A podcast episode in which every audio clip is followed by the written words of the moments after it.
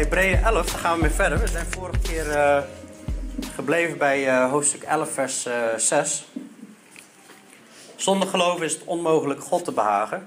Want wie tot God komt, moet geloven dat Hij is en dat Hij beloont wie Hem zoeken. We hebben vanmorgen ook al gelezen eh, dat vers. En eh, ja, we noemen de titel steeds Jezus, de ultieme onthulling van God. En eh, ik blijf dit vers halen. Misschien word je er inmiddels al eh, een beetje moe van. maar ja, totdat jullie niet roepen van eh, stop, stop, we kennen hem nu al. Dan eh, hou ik nog even vol. het is gewoon super belangrijk om te beseffen als wij het woord openen. Van heel de schrift is de God ingegeven en is nuttig. Om te onderwijzen, te weerleggen, te verbeteren en op te voeden in de rechtvaardigheid. Opdat de mens die God toebehoort volmaakt zou zijn. Tot elk goed werk volkomen toegerust. Dus we zijn onszelf aan het toerusten dat we tot elk goed werk volkomen toegerust zijn.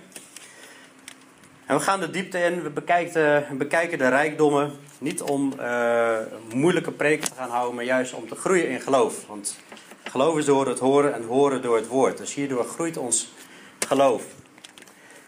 Nou, de Hebreeënbrief heeft ons tot nu toe, tot en met hoofdstuk 10, echt weer helemaal eh, laten focussen op Jezus, op zijn werk, nieuwe verbond, betere verbond, beter offer, een eenmalig offer, een grote hoge priester die uh, niet elke uh, jaar hoeft in te gaan, maar die uh, eenmalig is ingegaan. En hij komt terug en hij staat daar nu gewoon te wachten op ons tot, totdat wij naderen tot die troon van genade. Daarom is Jezus daar boven om ons te helpen, om genade en barmhartigheid te vinden en geholpen te worden op het juiste ogenblik. Nou, we zijn vorige keer zijn we ook aangejaagd in Hebreeën 10 om, om, om uh, te volharden en ja, dingen te doen, tot hem naderen, beleidens van hoop vasthouden, op elkaar letten, onderlinge bijeenkomsten niet nalaten. En we worden ook steeds in de Hebreeënbrief gewaarschuwd, ja, pas op dat je niet afdrijft, hè, blijf in het geloof wandelen, verhard je hart niet, wees niet traag om te horen en veracht dat woord niet, zeg maar. We moeten echt in geloof blijven wandelen. En dan komt hij ineens op hoofdstuk 11 uit met de geloofshelden, zo hebben wij het maar genoemd. Of de, titel is geloofsgetuigen in mijn Bijbel. Maar goed, die titels zijn niet door de geest geïnspireerd, hebben mensen erbij bedacht. En vorige keer hebben we gekeken naar Abel. En we hebben gekeken naar uh, Henoch. Henoch wandelde met God en ineens was hij er niet meer. En vandaag beginnen we met Noach. Maar één vers, terwijl in Genesis uh, beslaat het toch al een aantal hoofdstukken. Er wordt echt in detail uitgelegd hoe dat gaat. Door het geloof heeft Noach, toen hij een aanwijzing van God ontvangen had, van de dingen die nog niet te zien waren, uit ontzag voor God de ark gebouwd tot redding van zijn gezin. Daardoor heeft hij de wereld veroordeeld en is hij een erfgenaam geworden van de rechtvaardigheid die overeenkomstig het geloof is. Nou, de rechtvaardige zal door het geloof leven, hebben we steeds gezien. Noach was rechtvaardig. Noach wandelde ook met God. Noach had geloof toen God hem op een gegeven moment zei van... Noach, ik wil dat je een ark gaat bouwen. Kijken. Noach, ik wil dat je een, een ark gaat bouwen. En ja, dat is heel raar op dat moment dat Noach een ark ging bouwen. Want Misschien had hij nog nooit een zee gezien of, of, of een oceaan, dat, dat, dat weten we niet. Er zijn ook aanwijzingen dat het voor die tijd nog niet geregend had. We lezen in Genesis in, in het begin dat er een damp uit, uh, opsteeg uit de aarde en alles bevochtigde. En er zijn zelfs vondsten gedaan van, van luchtsamenstelling in boomhars, wat een hele andere samenstelling had van uh, lucht zoals wij dat uh, nu kennen, ook met een heel hoog zuurstofpercentage. En mensen werden ook heel oud in die tijd. Mogelijk omdat er een hoge zuurstofpercentage was. Ook met topsporters heb je wel eens. En, die gaan in de zuurstofcabine zitten en herstellen ze sneller. Um, maar ook door, door mogelijk zo'n dikke damplaag hè, kan de, de, straling ook minder goed ons aantasten en zo. Nou, daar zijn heel veel interessante ideeën over, maar daar ga ik vandaag niet over hebben. Maar die mensen werden heel oud. En ineens gaat Noah, die gaat daar die, die, die boot bouwen. In, in, in the middle of nowhere waarschijnlijk. En dat is raar als je dat ineens gaat doen. En er staat ook dat er spotters waren. Net zoals in Noach's tijd zullen er in de laatste dag spotters zijn. Daaruit weten wij dat er spotters waren. Maar Noach die had ook net zo'n geloof eigenlijk als Abraham. We hebben vorige keer gekeken. Wat voor geloof had Abraham? Nou ja, God had tegen hem gezegd: Ik krijg een zoon. God doet wat, plus God doet wat hij zegt. Nou, dan krijg ik een zoon. Dus Noach krijgt de opdracht: bouw een boot. Want er komt een vloed. Ik ga de mensheid ga ik verdelgen, omdat uh, de mens slecht leeft. En wat doet uh, Noach? Omdat uh, God doet wat hij zegt, vertrouwt hij dat en gaat hij die, die boot bouwen. Hij heeft er waarschijnlijk, denken we, 100 jaar aan gebouwd. Dat was rond de 500 jaar toen hij die opdracht kreeg, rond de 600 toen die vloed begon. Nou, wat weten we van die tijd? We weten dat uh, er enorm geweld was. De, de mensen waren erg gewelddadig in die, in, die, in die tijd. En ze waren, ze waren goddeloos. We weten dat Noach wandelde met God en hij, hij was rechtvaardig. Hij vertrouwde op God. We weten ook dat Noach een prediker van gerechtigheid genoemd wordt. Dus hij hield het ook niet voor zich. Hij, hij sprak erover dat de aarde uh, verdelgd zou worden hè, door, door een vloed. Ja, goed, hij kon er natuurlijk ook niet omheen. Ik bedoel, hij is daar een megaboot aan bouwen. Die boot die was waarschijnlijk uh, of ongeveer 150 meter, bij 25 meter, bij 15 meter hoog. Nou, 150 meter, een uh, serieus voetbalveld volgens mij uh, 100 meter, weet je? Ja? En nou ja, nog een half voetbalveld erbij. En hij, hij, was iets minder breed dan een voetbalveld en dan 15 meter hoog. Ik denk ongeveer zo hoog als dit gebouw. Nou, dat is wel een serieus bootje. En daar gingen dus de dieren in. twee aan twee per soort gingen ze erin. Dus één hondensoort, één paardensoort. En Noach die predikte daarover. Maar die werd ook bespot. Nou, het is in onze tijd natuurlijk niet zo heel anders. Dat, dat heeft Jezus al voorzegd. Dat in de laatste dagen zullen spotters komen. We weten ook dat de wetteloosheid zal toenemen en de liefde zal verkillen. Hoeveel mensen hebben wel niet het evangelie verkondigd afgelopen jaar, elke week op pad met een, een clubje van twee tot uh, vier man, soms wel eens tot acht.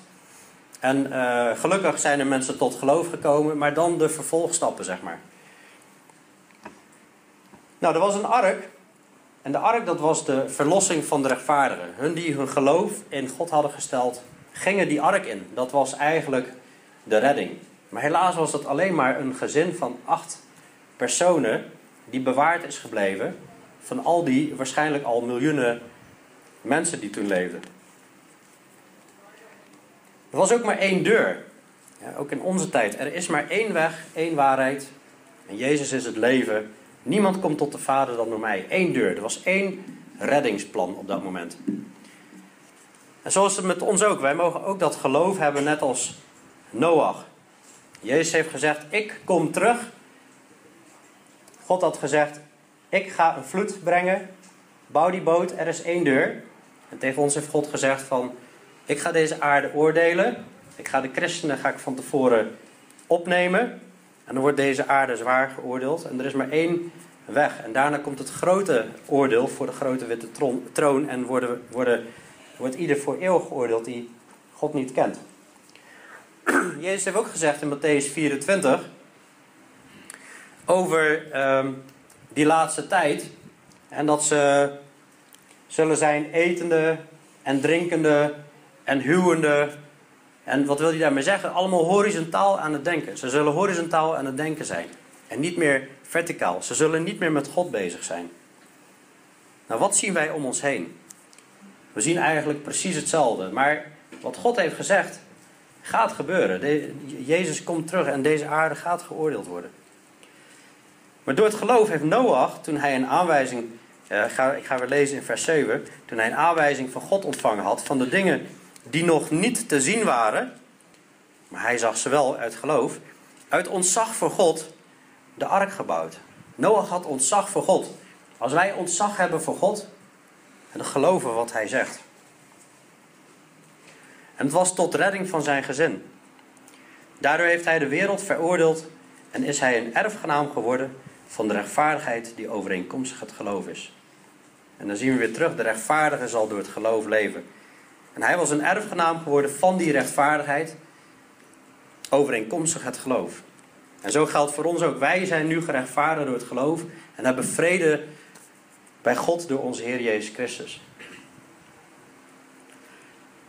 Nou, ja, hij besteedt daar één zin aan, dus maar heel weinig. Maar uh, ja, het is eigenlijk wel uh, interessant, die hele vloed. Ook om, om uh, te ontdekken wat uh, verfondste mensen hebben gedaan over bewijsvoering voor die, voor die vloed. Daar is heel veel over te ontdekken. Daar zou, zou je een uur over kunnen uh, spreken. Nou, dagen zelfs wel. Maar ze hebben gevonden in de, de hoe noemen ze dat, de Mid-Atlantische rug. Tussen Noord-Amerika, Zuid-Amerika en Europa en Afrika. Daar zien ze iets. Een, een, een, een catastrofe. Er is iets gebeurd. De aarde is een keer opengeklapt. In Californië daar vinden ze, vinden ze scheuren in de aarde. Waaruit ze constateren er is een keer een hele grote ramp geweest. En wij kunnen nu terugkijken en, en, en aanwijzingen uh, zien en dat dat geweest is. Net als, zoals wij terug kunnen kijken, Jezus is geweest. Daar zijn aanwijzingen voor. En uh, ja, de profeten moesten nog uh, vooruitkijken. Maar goed, ga ik er niet heel lang over hebben, maar dat is wel heel interessant. Er is ook genoeg water om heel de aarde te overstromen. En God heeft tegen Noach gezegd van, uh, er komt niet nog een keer zo'n vloed. Daarom heeft hij de regenboog heeft hij in de hemel geplaatst als herinnering voor hemzelf. En als wij dat zien, mogen we ook weten dat God eraan herinnerd wordt dat de aarde niet overstroomd gaat worden door een vloed. Dan gaan we naar Abraham. Door het geloof is Abraham, vers 8, toen hij geroepen werd, gehoorzaam geweest om weg te gaan naar de plaats die hij tot een erfdeel ontvangen zou. En hij is weggegaan zonder te weten waar hij komen zou. Door het hij een inwoner geweest in het land van de belofte als in een vreemd land. En hij heeft, heeft hij in tenten gewoond met Isaac en Jacob, die mede-erfgenamen waren van dezelfde belofte. Dat was heel bijzonder. Toen Abraham geroepen werd, Abraham, ga naar het land dat ik je wijzen zal. Toen ging hij. Hij is gehoorzaam geweest om weg te gaan, staat hier in vers 8, naar de plaats die hij tot een erfdeel ontvangen zou. En hij is weggegaan zonder te weten waar hij komen zou. Nou, dat is heel, heel, heel bijzonder. Zo zitten wij als mensen helemaal niet in elkaar. Hè? Maar als wij ons vertrouwen in God moeten stellen, als hij duidelijk maakt: Ik heb een plan met jou, je moet nu gaan, dan moet je gewoon gaan. Abraham, die ging. Hij had geen idee naar welk land. En wij, wij willen vaak uh, contractueel alles geregeld hebben. We willen verzekeringen hebben. Uh, we willen een plan hebben. We willen alles tot in de puntjes geregeld hebben. Tot wel, dat wij stappen gaan maken. En, en uh, zeggen van ja, nu ben ik er zeker van dat dit een betrouwbare zaak is. Maar zo werkt dat bij God niet. God die laat stapje voor stapje de dingen zien. Ik kan daar zelf van getuigen. God heeft ons stappen laten maken, op ons hart gelegd. En dat je denkt, ja, maar ik, ik weet niet hoe het zal lopen. Nou, één daarvan is Huis van God bijvoorbeeld. Dat lag op ons hart. Ja, wie zijn wij om een gemeente te starten? En er komen er drie mensen afzonderlijk en die zeggen, die kennen elkaar niet. Is het niet tijd dat jullie een gemeente gaan starten? Nou ja, en op een gegeven moment dan, dan begin je maar. Weet je wel, van, we, we zien het wel wat de volgende stap is. Mensen vragen mij ook wel eens: ja, wat, wat, is je plan? En je wordt geregeld de, de, vraag: ja, en hoe ga je nou dingen indelen en sturen? En ja, de Heer zal het duidelijk maken. Ik heb eigenlijk geen idee wat ik aan het doen ben. Ja, niet helemaal, maar natuurlijk, we volgen het woord. Maar de Heer laat stap voor stap de volgende stap zien. En zo was het bij Abraham ook. Ga maar Abraham en dan laat ik je de volgende stap overzien. Nou, hij heeft dat gedaan. En door het geloven is hij een inwoner geweest in het land van de belofte, als in een vreemd land. En heeft hij in tenten gewoond met Isaac en Jacob, die mede-erfgenamen waren van dezelfde belofte. En we hebben het vorige keer al uitgebreid gehad over uh, Abraham gehad. Op basis van Abrahams geloof hebben we uitgelegd uh, wat geloven is. De Romeinenbrief gaat daarop in, de uh, Hebreeënbrief ook. En uh, ja, ik ga er niet heel diep op in dus vandaag, maar wat, wat, ik, wat ik mooi vind, wat je hier ziet, is dat hij dus in, in tenten heeft gewoond. Abraham was heel erg vermogend, was echt een, een, rijk man. Hij had makkelijk daar kunnen komen, huis kopen of huis, huizen bouwen, huizen kunnen bouwen. En uh, daar had hij, had hij genoeg geld voor. Maar hij heeft, in, hij heeft in tenten gewoond, in een vreemd land. Hij was als vreemdeling in dat land. En zo mogen wij ook uh, leven eigenlijk als vreemdelingen hier op aarde. We hebben dat uh, op de woensdagavond ook gezien dat we vreemdelingen en bijwoners zijn. Wij zijn geroepenen, wij zijn heiligen, we zijn het volk van God. Wij horen niet meer bij deze aarde. We zijn wel in deze wereld, maar we zijn niet meer van deze wereld. En wij leven eigenlijk als pelgrims. We leven eigenlijk als pelgrims en we zijn bezig met het volgende. We zijn bezig met de emigratie, zeg maar. En eigenlijk is ons leven is, is, is een tent nog. We zitten als ware, hè, we zitten misschien wel in bakstenen huizen, maar dat moeten wij eigenlijk zien als een tent. Het is allemaal maar een, een, een tijdelijke uh, plek waar ons lichaam nog verblijft. Dus we moeten ook niet te veel aandacht aan besteden. Ik zeg niet dat je, dat je een beetje comfortabel mag, mag leven. Ik bedoel, als er gat in je dak zit, dan kun je heus wel repareren. Maar uh, als wij leven alsof dit al ons einddoel is, zeg maar. Alsof ons hele hebben en houden hier ligt. Dan zijn wij uh, niet in het geloof zoals een, een, een Abraham, zeg maar. Abraham die zag zichzelf als een vreemdeling. Hij verwachtte de stad die fundamenten heeft, waarvan God de bouwer en ontwerper is. Daar gaan we later ook meer over lezen, over dat hemelse Jeruzalem. Hij verwachtte die stad. Als God, als God iets bouwt en ontwerpt, dan is dat goed. Dan is dat permanent. Het is onverwoestbaar. Het is onverwelkbaar. We hebben een erfenis in de hemel. Lees er maar in 1 Petrus 1. En God bewaakt ons door het geloof dat wij dat zullen ontvangen.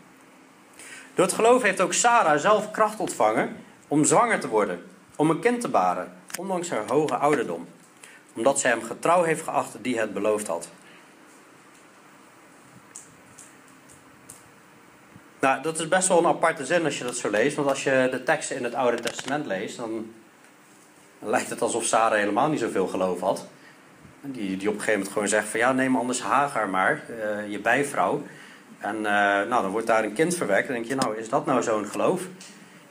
En later komt er een, een, engel van de Heer met uh, nog twee engelen. Die drie mannen die komen langs en die, dan is Abraham al 100 jaar. En die zegt, ja, je krijgt echt een kind. En die komt via Sarah. En dan begint Sarah te lachen. Maar blijkbaar heeft ze uiteindelijk toch dat geloof gehad. En vertrouwd dat God echt dat kind ging geven. Ze heeft hem getrouw geacht die het beloofd had. Later zijn die engelen ook Sodom en Gomorra gaan verwoesten. Dus misschien heeft dat wat geholpen in haar geloof.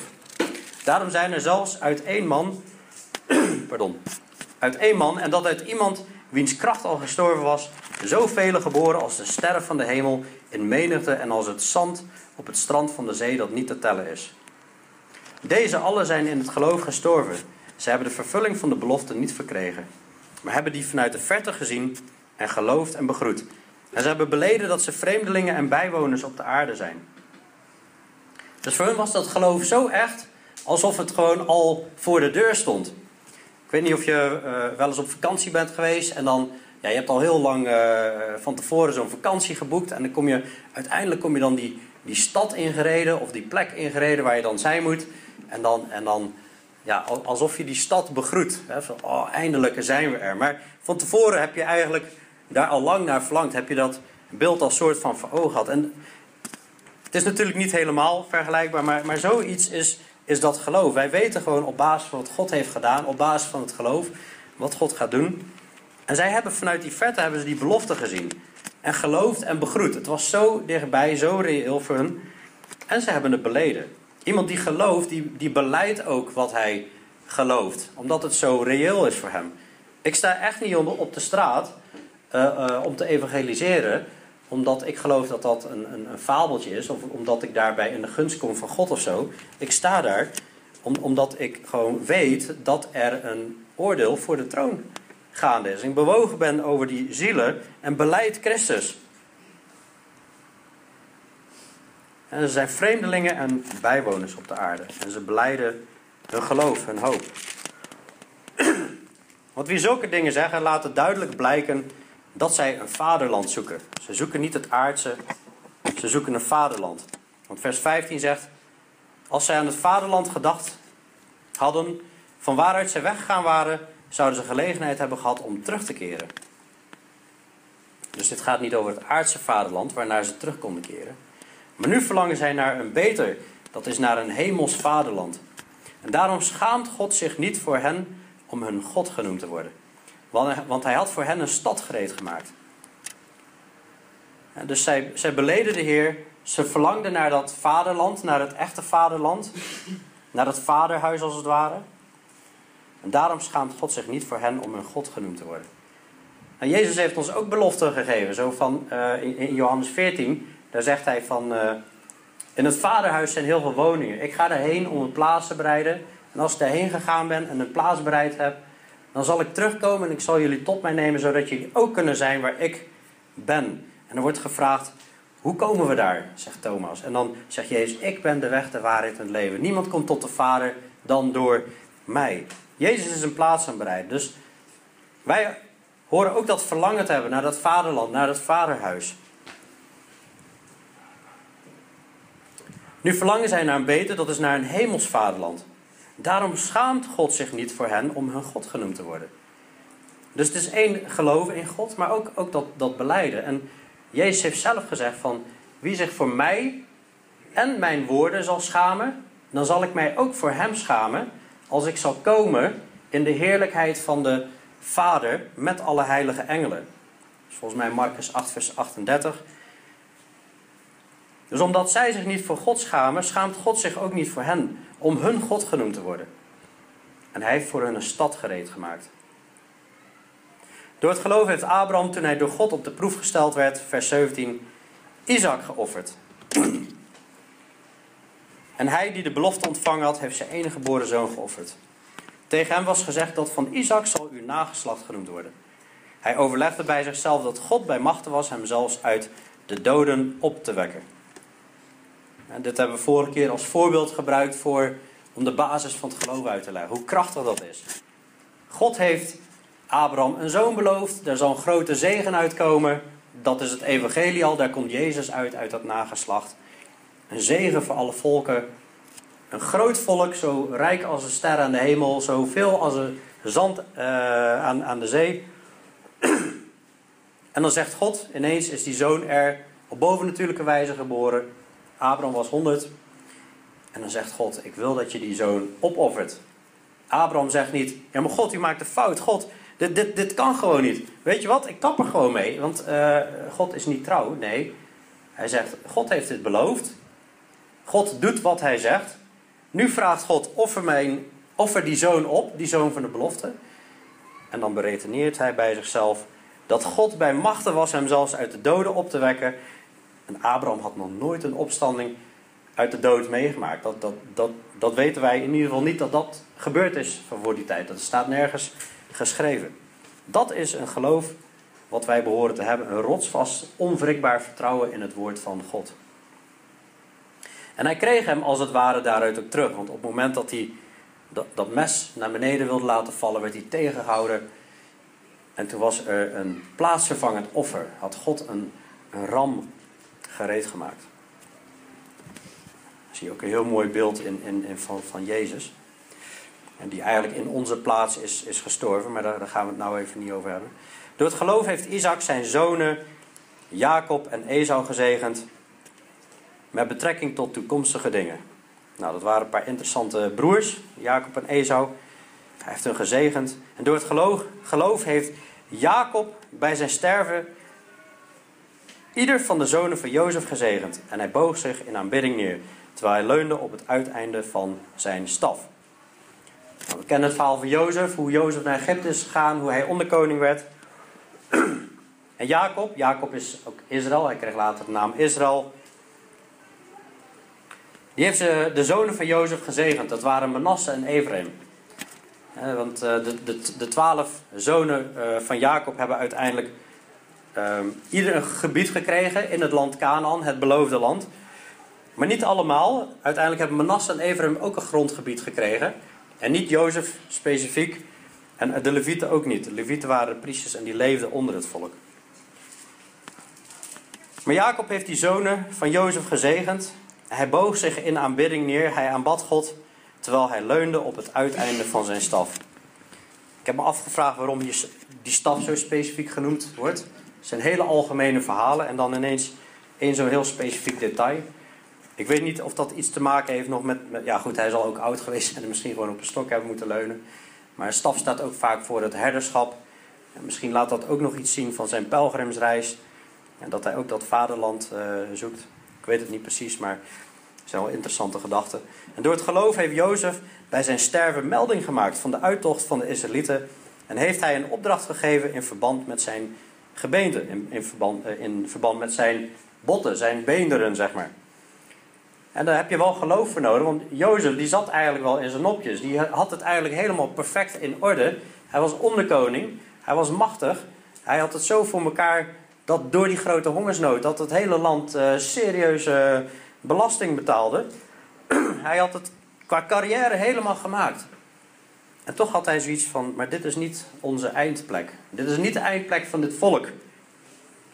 Nee, ons, onze eindplek is in het beloofde land. Het beloofde land. En daarom zegt hij, jongens, als jullie, als jullie uh, de, de uittocht maken, neem dan mijn beenderen mee, zodat ze daar begraven zullen worden. Jozef leefde ook in dat geloof van Gods belofte. Door het geloof werd Mozes toen hij geboren was. Mozes werd geboren in Egypte. Toen het volk, Egypte, uh, volk van Israël nog in Egypte was. Door het geloof werd Mozes toen hij geboren was drie maanden lang door zijn ouders verborgen. Omdat zij zagen dat het een heel bijzonder kindje was. En ze waren niet bevreesd voor het bevel van de koning. Want die belofte van God die was al in werking gegaan. Dat er, dat er een groot volk uit Abraham zou komen. En die, die, die Hebreeërs die kregen kinderen als mallen. Die, dat, ging, dat was niet meer normaal. En, en die farao die werd daar een beetje zenuwachtig van. Die dacht van, weet je, ik moet hier wat aan doen. Want straks zijn ze nog machtiger dan wij. Of straks gaan ze zich tegen ons keren. Dus die besluit dan heel koud, harteloos om baby's te gaan vermoorden. Gooi ze maar in de Nijl. En die ouders van Mozes, die zijn kennelijk gelovig. En, en die zien Mozes en die, en, die, en die zien dat dat een bijzonder kindje is. En we kennen het verhaal, bekend verhaal. Hoe hij gevonden wordt door de dochter van de farao. En Mozes groeit op in het hof van de farao. En dan vers 24. Door het geloof heeft Mozes, toen hij groot geworden was, geweigerd een zoon van de dochter van de farao genoemd te worden. Hij koos, er liever, hij koos ervoor liever met het volk van God slecht behandeld te worden, dan voor een ogenblik met het genot van de, zon, een uh, ogenblik het genot van de zonde te hebben. Dus Mozes groeit daarop. Hij kent niks anders dan de rijkdom en de wilde aan het hof van de farao. En toch ziet hij die Hebreeërs en hij voelt zich daar één mee. Hij voelt zich één met het geloof. En hij kiest er toch liever voor om met het volk van God slecht behandeld te worden. Dan voor een ogenblik het genot van de zonde te hebben. Nou, het genot van de zonde is natuurlijk al hebzucht, dat is ook zonde. Hebzucht is afgoderij, staat in Colossense 3. Eh, hij had alles om zich heen wat zijn hartje begeerde. Maar er waren afgoden. Eh, maar die, die Egyptenaren waren ook hard, keihard voor dat Joodse volk. En toch zegt hij van, ik, ik hoef dat niet. En dat doet hij uit geloof. Hij beschouwde de smaad van Christus als grotere rijkdom dan de schatten in Egypte. Want hij had het loon voor ogen. Nou, misschien denk je, hè, Christus? Hij beschouwde de smaad van Christus als grotere rijkdom. Christus was het toen toch nog helemaal niet. Maar Christus is God. Jezus is God. En we zien ook in 1 Petrus 1 dat de profeten, die profeteerden met de geest van Christus in zich. Dus Mozes kende wel degelijk Christus. We zien ook dat de rots waar op een gegeven moment Mozes op moet slaan en er komt er water uit. Er staat in 1 Korinthe 5, die rots was Christus. Hij beschouwde de smaad van Christus als grotere rijkdom dan de schatten in Egypte. Want hij had het loon voor ogen. Dat is grappig, hè? Je ziet echt een contrast. Dus de rijkdom en de schatten van Egypte, dat, dat zegt hij, dat hoef ik niet. Hij beschouwde de smaad van Christus als grotere rijkdom. En toch heeft hij loon voor ogen. Maar dat is niet loon, aardsloon. Jezus heeft ook gezegd, vergader geen schatten hier op aarde, waar de mot en de roes uh, zullen bederven.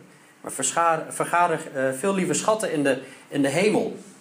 Zoek eerst het koninkrijk van God en zijn gerechtigheid. En dan zullen al die dingen, uh, eten, drinken, kleding, al die dingen zullen gegeven worden. Kijk naar de vogels. Ze zaaien niet, ze maaien niet, ze verzamelen niet en schuren. En toch voedt God ze.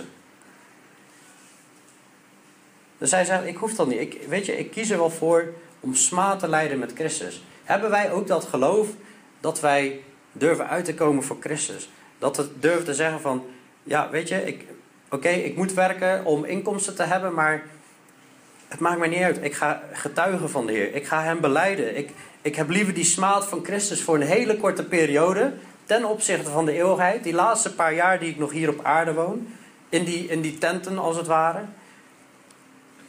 Dat heb ik liever dan de rijkdom en schatten van Nederland, van Egypte.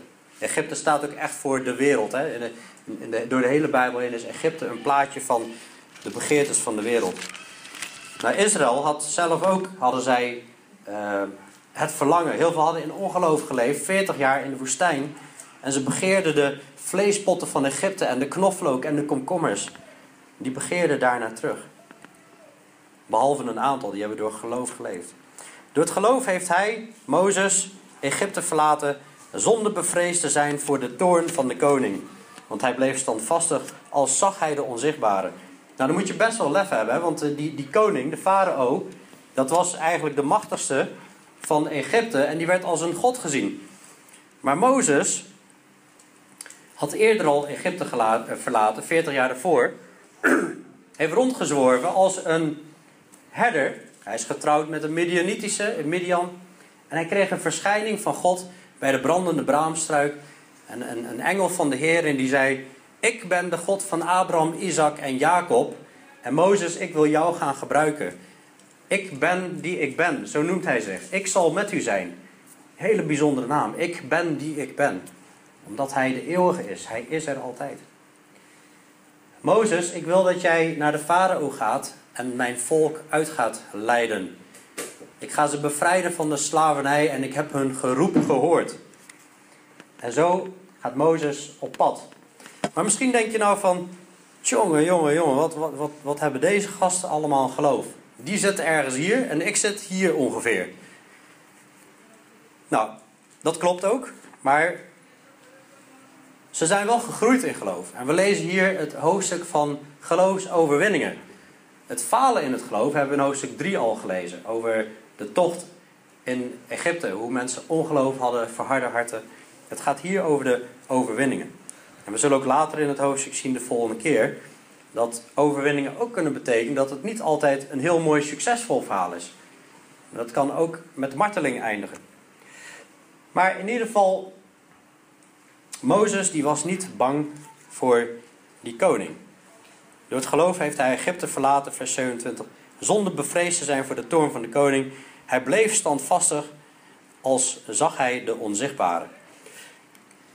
Maar daarvoor, toen hij geroepen werd, was zijn geloof ongeveer zo. God zei bij die brandende braamstruik: Mozes, jij bent die man, jij gaat het volk uitleiden. En Mozes' reactie was: Maar wie ben ik, heren? Zo'n reactie geef je als jij nog niet beseft hoe groot jouw God is. Want als jij kijkt naar wie ben ik, ja, ik moet eerlijk zeggen dat ik ook ongeloof had toen ik merkte dat de Heer duidelijk maakte van ga een gemeente starten. Maar wie, wie ben ik?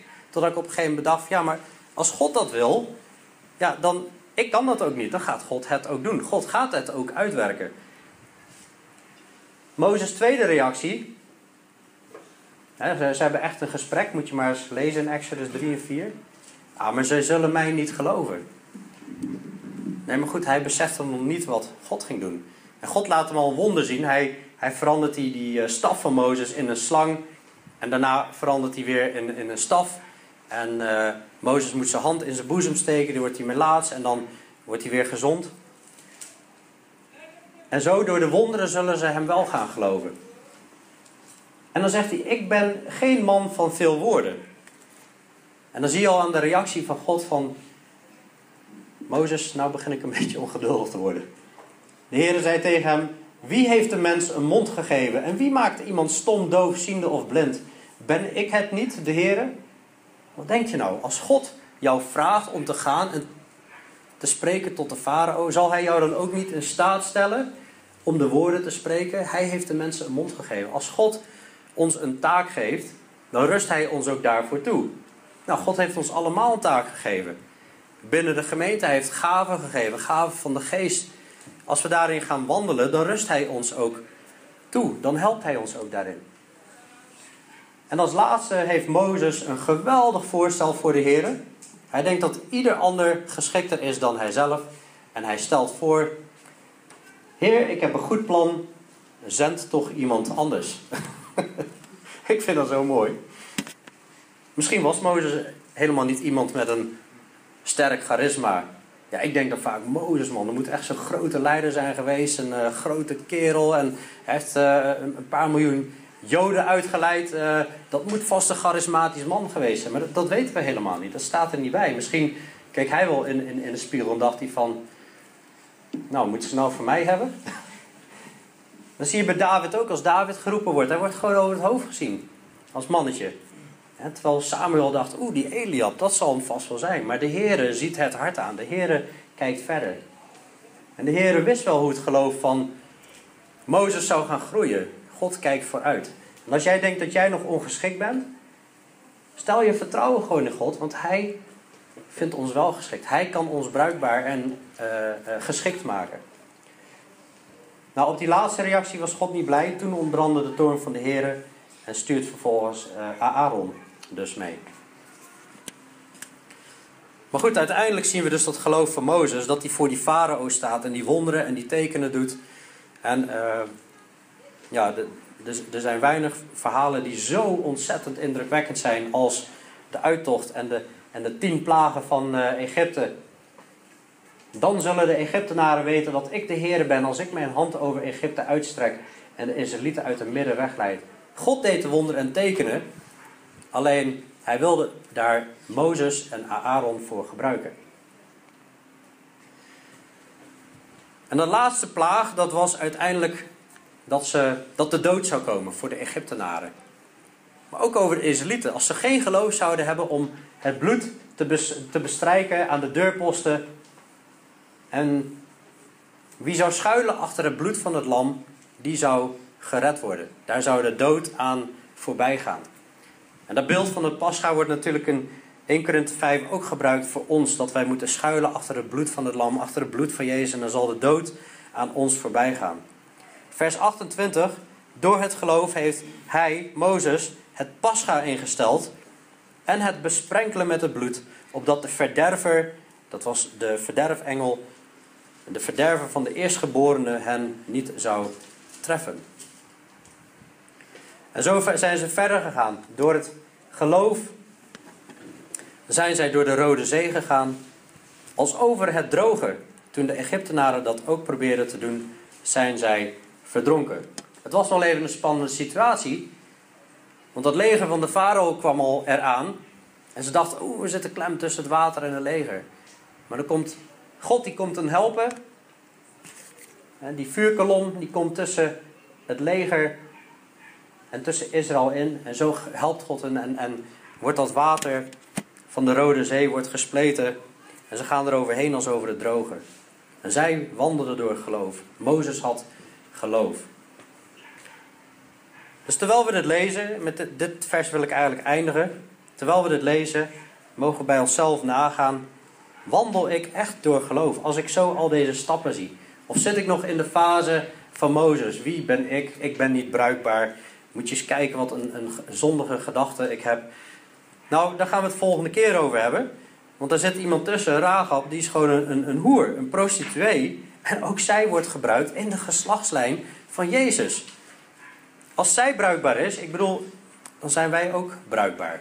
Dan kan God bruikbare instrumenten van ons maken. Op het moment dat jij gereinigd bent door het bloed van Jezus, dan ben jij bruikbaar voor hen. En ons denken is nog wel grotendeels werelds. Maar door wat we nu aan het doen zijn, door het woord te gaan, gaan we steeds meer denken als God, steeds meer ons vertrouwen stellen op, op God. Alsof wij de onzichtbare al voor ons zien, waar wij volledig op mogen steunen, leunen en ons vertrouwen op Hem stellen. Vertrouw op de Heer met heel je hart en steun op eigen inzichten niet. Ken Hem in al je wegen. Al je wegen staat daar.